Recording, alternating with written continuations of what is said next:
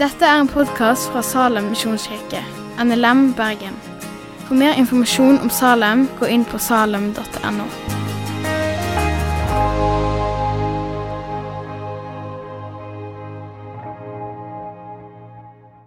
Kjære gode far, jeg ber deg for Nord-Afrika og pengene som uh, kom inn som gave til Misjon Gud.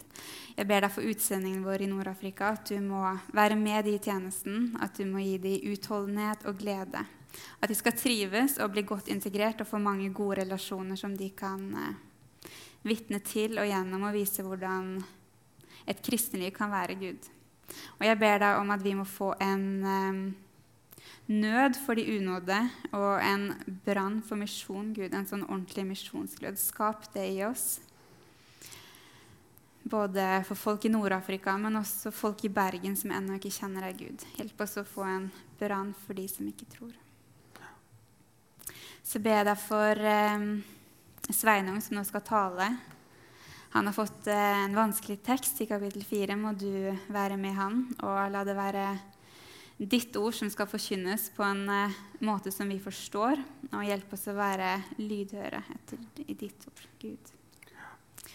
Så ber jeg deg om at vi alle må få et møte med deg og få se mer av hvem du er i kveld, Gud. Mm. Legger Sveinung det han skal si, og resten av møtet i dine hender, Gud. Amen. Amen. Takk, takk, Åshild. Yes. Um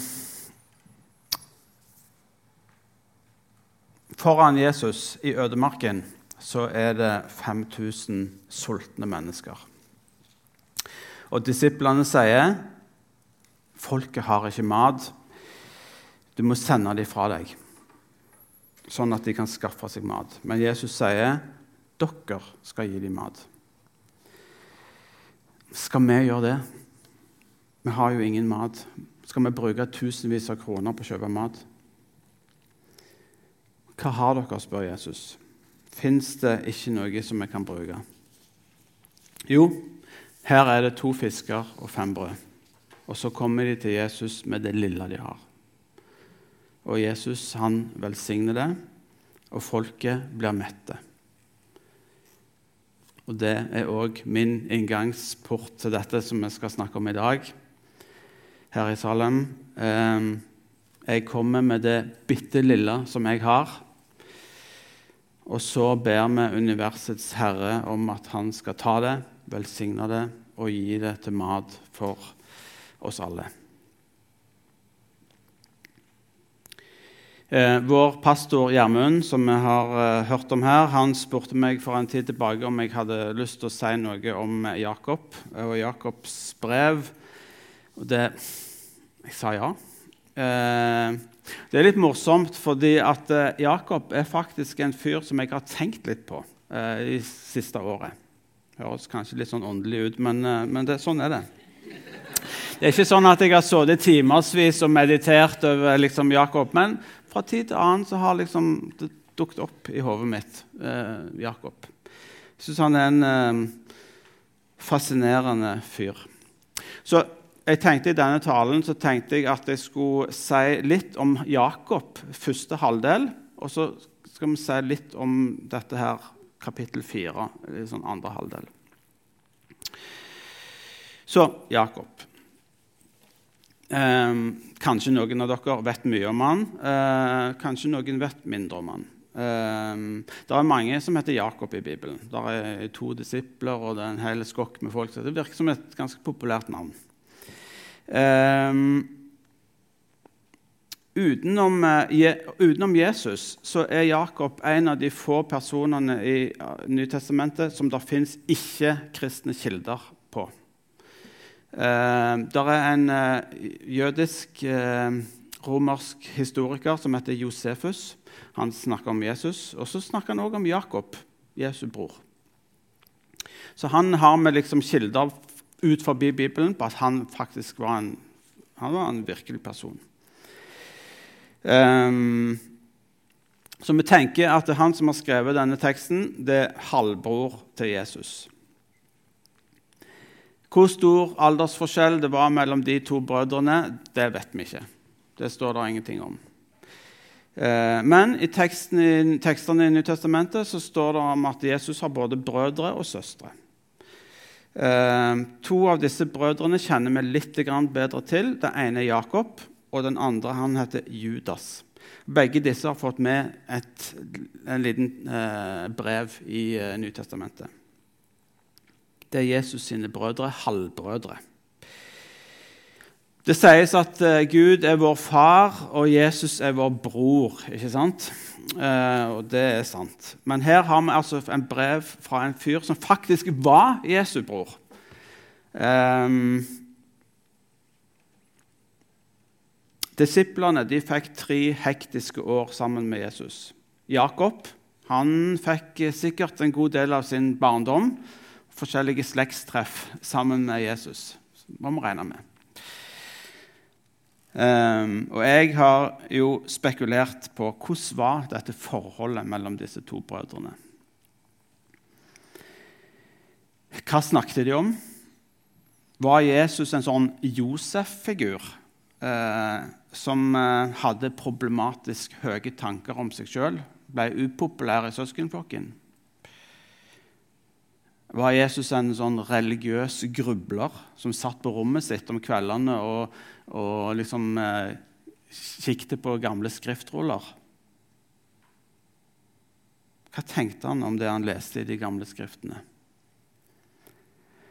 Og hva delte han med brødrene sine og søstrene sine? Hva sa han til lillebror Jakob når de satt der på trappa i de siste solstrålene for dagen som bada sånn husveggen i et sånn mykt lys? delte han noe om hvem han egentlig var. Hva delte mor og far til Jesus, Josef og Maria, om deres åpenbaringer og deres drømmer? Eller var dette elefanten i rommet som ingen snakket om i den familien?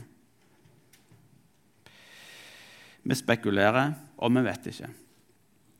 Det står lite i Bibelen. Det står en enkel setning i Lukasevangeliet om at han gikk fram i alder og visdom. Han var til glede for Gud og mennesker. Det er det eneste som står om Jesus fra han var 12 år til han var 30 år.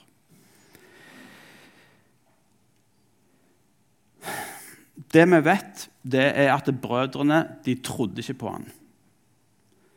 De trodde ikke at han var Guds sønn. De trodde ikke at han var noe menneskesønn. De trodde ikke at han var Messias.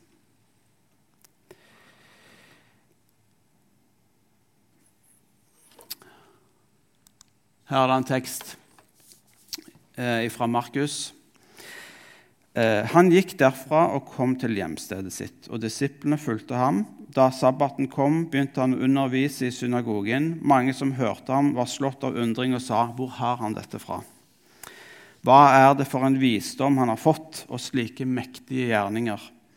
som han gjør. Er ikke dette tømmermannen, sønn av Maria, bror til Jakob, Judas og Simon, og bor ikke søstrene hans her hos oss? Og de ble forarget og avviste ham. Men Jesus sa til dem, en profet blir ikke foraktet noe annet sted enn på hjemstedet sitt, iblant sine slektninger og i sitt eget hus. I Johannesevangeliet så står det rett ut der står det for heller ikke brødrene trodde på ham. Når Jesus begynner sin gjerning på jord, når han står fram, fikk han ingen støtte fra sin familie, fra sine brødre. Det var ikke sånn at de var tvilende eller skeptiske. De avviser han. De tror ikke på han. Det der med helbredelse og vann til vin-opplegget, det, det må du lenger ut på landsbygda med. Men det skjer noe. Det er en twist, twist i fortellingen her. På et tidspunkt så ser Jakob forbi sin egen bror. Det er som om han ser igjennom han, og så ser han hvem han egentlig er. Det er som et forheng som er dratt vekk.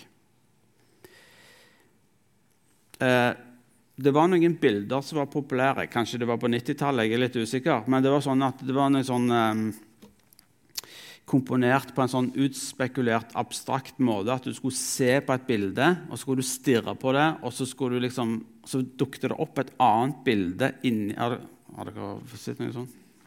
Utrolig irriterende. Jeg fikk aldri til det der. Men det var noe sånn opplegg som det. Um, når vi leser apostlenes gjerninger, så er det noe som har blitt forandra. Um, her står det da de vendte tilbake til Jerusalem fra den høyden som heter Oljeberget, og ligger nær Jerusalem, bare en sabbatsreise unna. Inn i byen gikk de opp på den salen hvor de pleide å holde til. Det var Peter og Johannes, Jakob, Andreas, Philip og Thomas, Bartolomeus og Matteus, Jakob, sønn av Alfeus, Simon Seloten og Judas, sønn av Jakob. Alle disse holdt trofast sammen i bønn, sammen med noen kvinner og Maria, Jesu mor, og brødrene hans. Plutselig er de med i fortellingen. Et eller annet har skjedd. Noe er forandra. De har møtt den oppstandende Kristus. De har stirra og stirra på broren sin, han som har satt hele Israel på hodet. Han som har omfavna spedalske, horer, tollere. Han som har sagt uhørte ting, blasfemiske ting om seg sjøl. Han har de sett seg blinde på, men nå ser de hvem han virkelig var. Og Jakob han fikk et spesielt, unikt møte med den oppstandende Kristus. Paulus han skriver om dette i eh, første Korinterbrev. Um, for først og fremst overga jeg til dere det jeg selv har tatt imot, at Kristus døde for våre synder etter Skriftene, at han ble begravet, at han sto opp den tredje eh, dagen etter Skriftene, at han viste seg for Kefas og deretter for de tolv. Deretter viste han seg for mer enn 500 søsken på en gang. Av dem lever de fleste ennå, men noen er sovnet inn. Deretter viste han seg for Jakob. Deretter for alle apostlene. Aller sist viste han seg for meg. Deretter viste han seg for Jakob. Av og til så er bibeltekstene for korte. De forteller for lite. Eh, hva skjedde når brødrene møttes? Tipper at det kunne blitt god TV. Vi vet ikke. Det er bare denne korte setningen. Deretter viste han seg for Jakob. Det vi vet, det er at dette møtet det forvandla Jakob og Jakobs liv.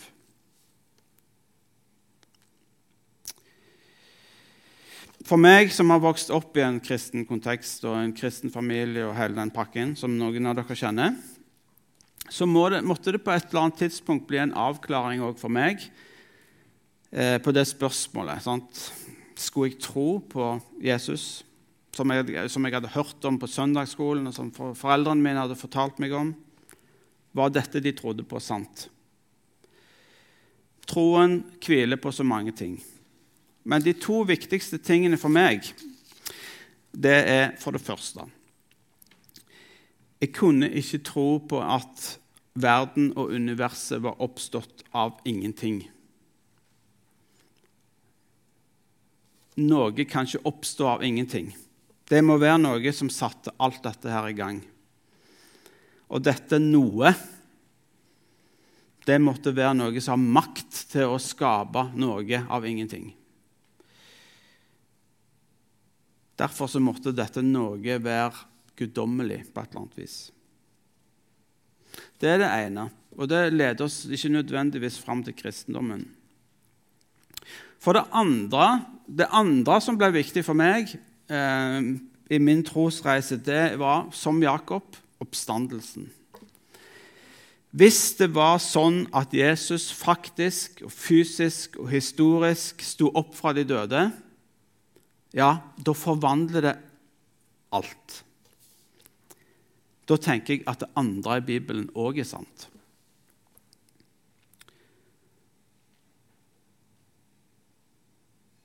Så det er sant at Jesus sto opp fra de døde. Det skal ikke denne talen handle om. Det er mange andre taler som handler om det. Men jeg er rasjonelt overbevist at Jesus sto opp fra de døde. Det er ingen andre forklaringer som gir noe mening for meg. I tillegg så har jeg en dyp åndelig overbevisning inni meg om at det er sant. Jeg har ikke møtt den oppstandende Kristus sånn som Jakob gjorde det. Men allikevel så har jeg gjort det gjennom det vitnesbyrdet som bl.a. han har gitt oss. Det forvandla livet.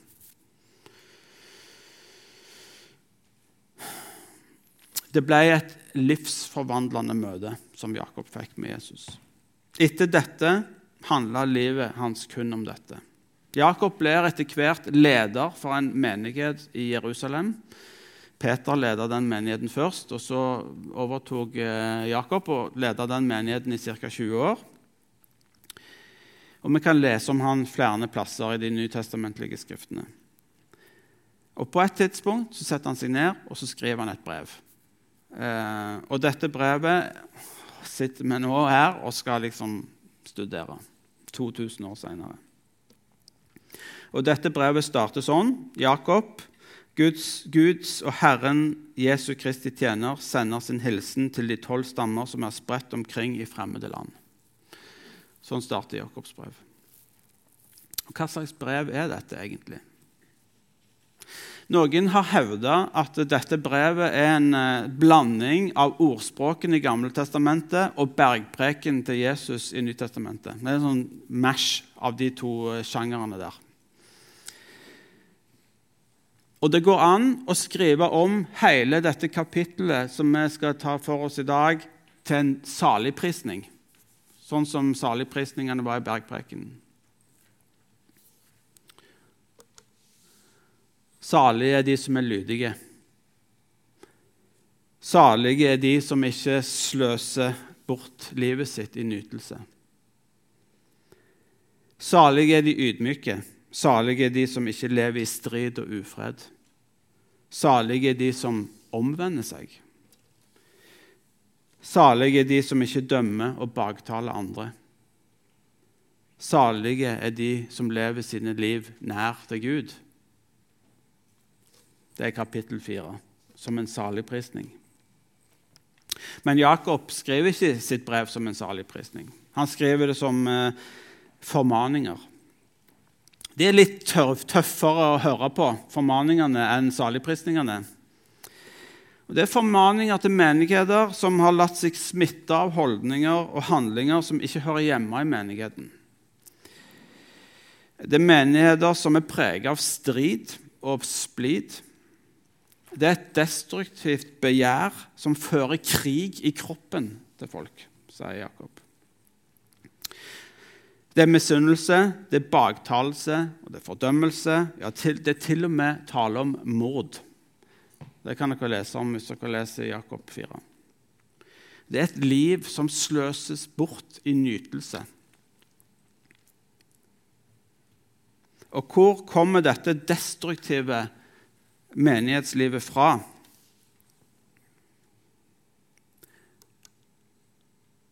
Ehm, det kommer fra mennesker som har blitt smitta av et ugudelig verdensbilde. De har fått et hjerte som er delt. Eh, det står Vet dere ikke at vennskap med verden er fiendskap med Gud? Den som vil være verdens venn, blir Guds fiende. Det destruktive kristenlivet det er òg fra mennesker som har kommet eh, eh, det, altså, det, er en kritikk av eh, en livsholdning som ikke tar Gud med i lignelsen. En slags egoistisk planlegging av eget liv. Mennesker som legger store planer for sitt liv uten å spørre seg om hva Gud ønsker med livet sitt. Og nå, dere som sier i dag eller i morgen drar vi til den eller den byen og blir der et år, driver handel og tjener penger, og så vet dere ikke engang hvordan livet deres blir i morgen. Dere skulle heller si om Herren vil, for vi lever og kan gjøre det ene eller det andre. Og så, for det tredje Det destruktive kristenlivet er avstand til Gud. Som er ulydige, og som er stolte.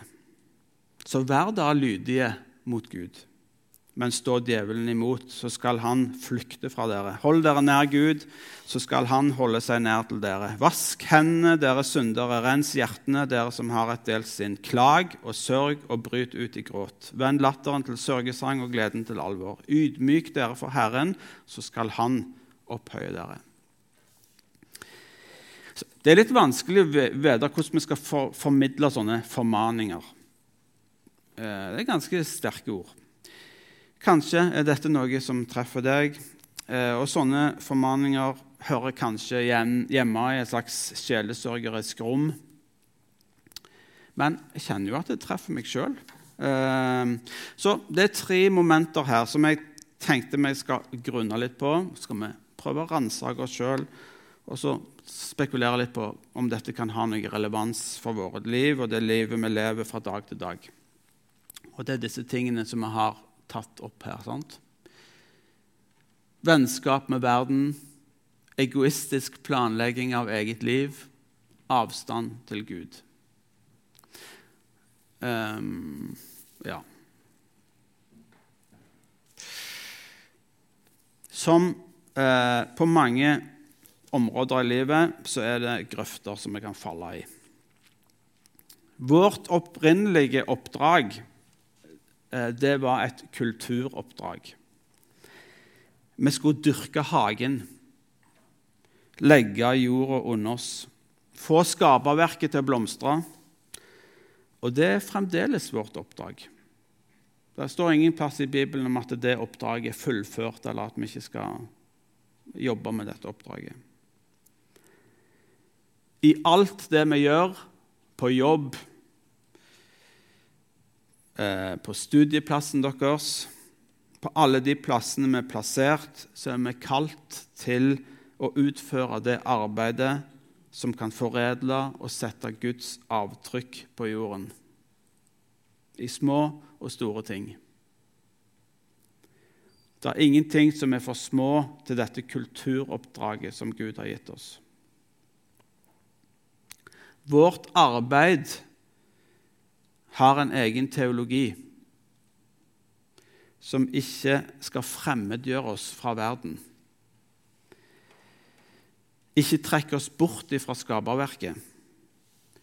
Selv om vi kan eh, se syndefallet sine realiteter i verden og i alle ting rundt oss, så er ikke vårt oppdrag et slags åndelig eremittliv der vi isolerer oss fra den kulturen vi er kalt til å jobbe i. Arbeidet i den sekulære verden har en åndelig verdi. Kulturoppdraget står fast. Det Jakob advarer mot her, er en slags sånn viljeløs adapsjon av den sekulære verdens verdier og prioriteringer. Vi flyter nedover ei elv og sluker alt det som denne verden ønsker å servere oss. Det advarer Jakob mot. Daniel, som ble bortført til Babylon, er et slags forbilde for oss her. sant? Han er så å si bortført til en ugudelig og fremmed kultur. Hans svar er ikke å legge seg i fosterstilling på hybelen og håpe at alt går over, og at enden må komme. Han bruker sine evner og all sin kapasitet til å jobbe i denne kulturen. Men med en integritet som gjør at han bevarer det rette fokuset. Vi som er kristne, må være aktive premissleverandører i den sekulære verden som vi lever i. Akkurat her i Bergen. Jeg har ingen oppskrift på hvordan du skal gjøre det i praksis der som du er. Men kanskje du kan be over det. Be om å bli leder. Jeg tror at Gud ønsker å lede oss òg her. Sende folk i vår vei åpne små og store dører. Vi må tro på Guds ledelse. Jeg er på siste siden i manuset mitt, folkens. Bare sier det. En egoistisk planlegging av eget liv. Kanskje jeg slår inn åpne dører her. Men eh, hva slags planer har du for ditt liv, og drømmer? Hva ser du for deg at ditt liv skal bestå av? Hvis jeg skal være ærlig om mitt liv, så har jeg eh, så De aller fleste av mine drømmer og planer de er ganske egoistiske og ganske materielle. Jeg ser for meg hvordan livet mitt skal se ut, utspille seg. Og i liten grad er Gud med i den ligningen.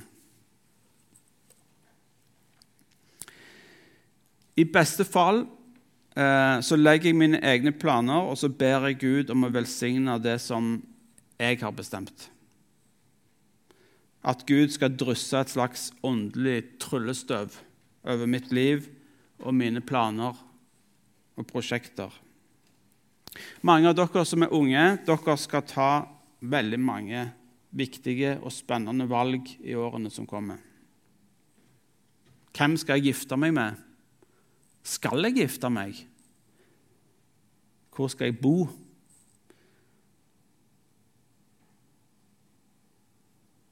Jeg håper mange av dere vil bo i Bergen. At dere blir med og bygger Guds menighet på jord akkurat her som vi sitter nå. Vi trenger noen som har kall til det òg. Ikke bare reise til liksom Ja, jeg vet ikke hvor dere skal hen. Um, hva slags utdanning og ekspertise skal jeg tilegne meg?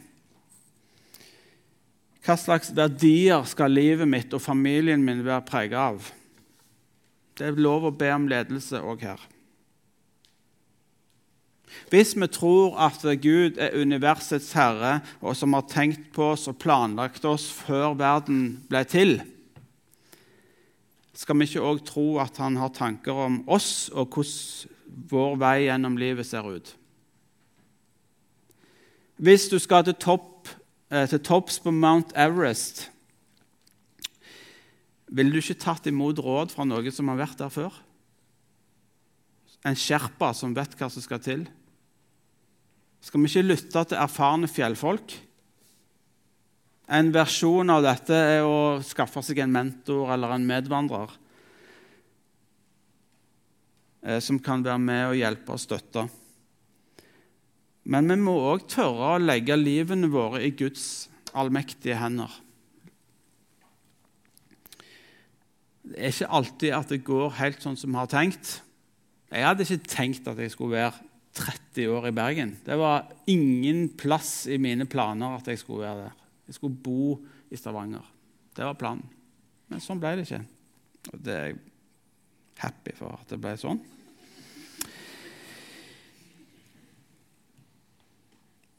Vi, skal få stole på at Gud er med. Jesus sier, 'Kom til meg, alle dere som bærer tunge byrder.' Ta mitt åk på dere og lær av meg. For jeg er mild og ydmyk av hjerte. Så skal dere finne hvile for deres sjel. For mitt åk er godt, og min byrde er lett.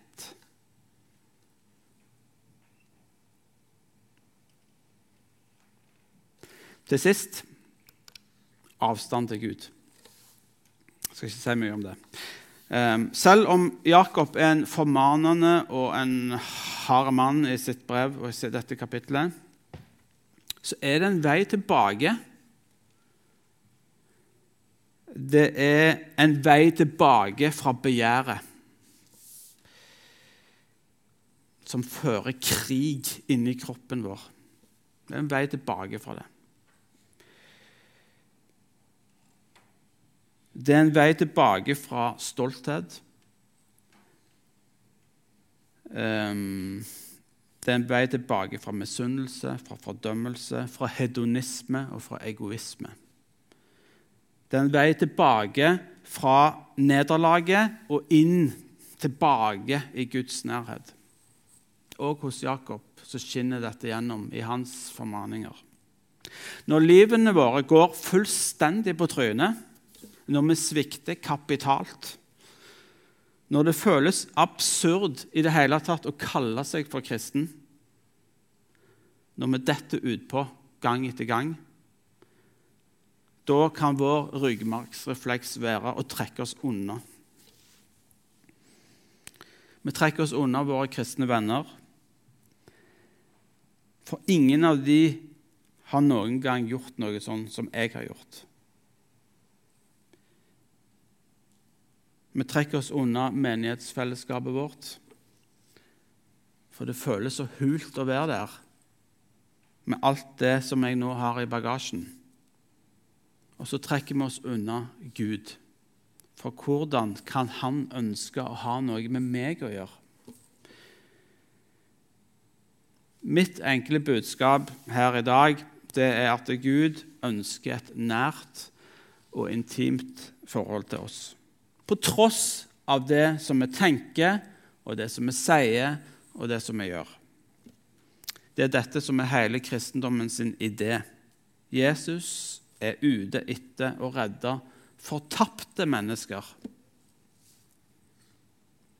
Hvis du er sånn et fortapt menneske, så er det deg Jesus kom for. Dette poenget er så viktig for Jesus at når han skal fortelle en lignelse om hvordan Gud er, så forteller han lignelsen om den fortapte sønn, om den tilgivende far.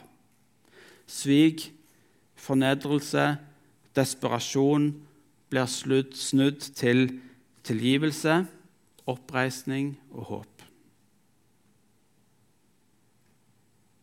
Sånn er Gud, sier Jesus. Det er en vei tilbake til Guds nærhet.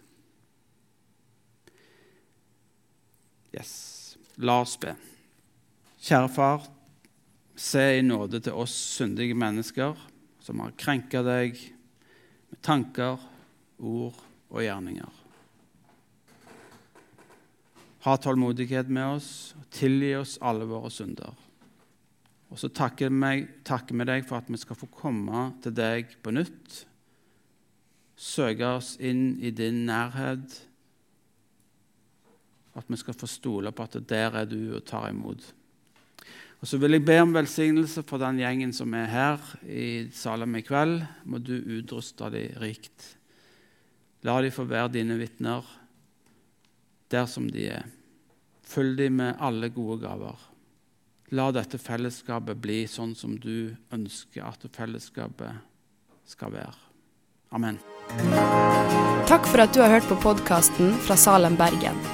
I Salem vil vi vinne, bevare, utruste og sende, til Guds ære. Vi ønsker å se mennesker finne fellesskap, møte Jesus og bli disippelgjort her i Bergen og i resten av verden. Vil du vite mer om oss, gå inn på salem.no.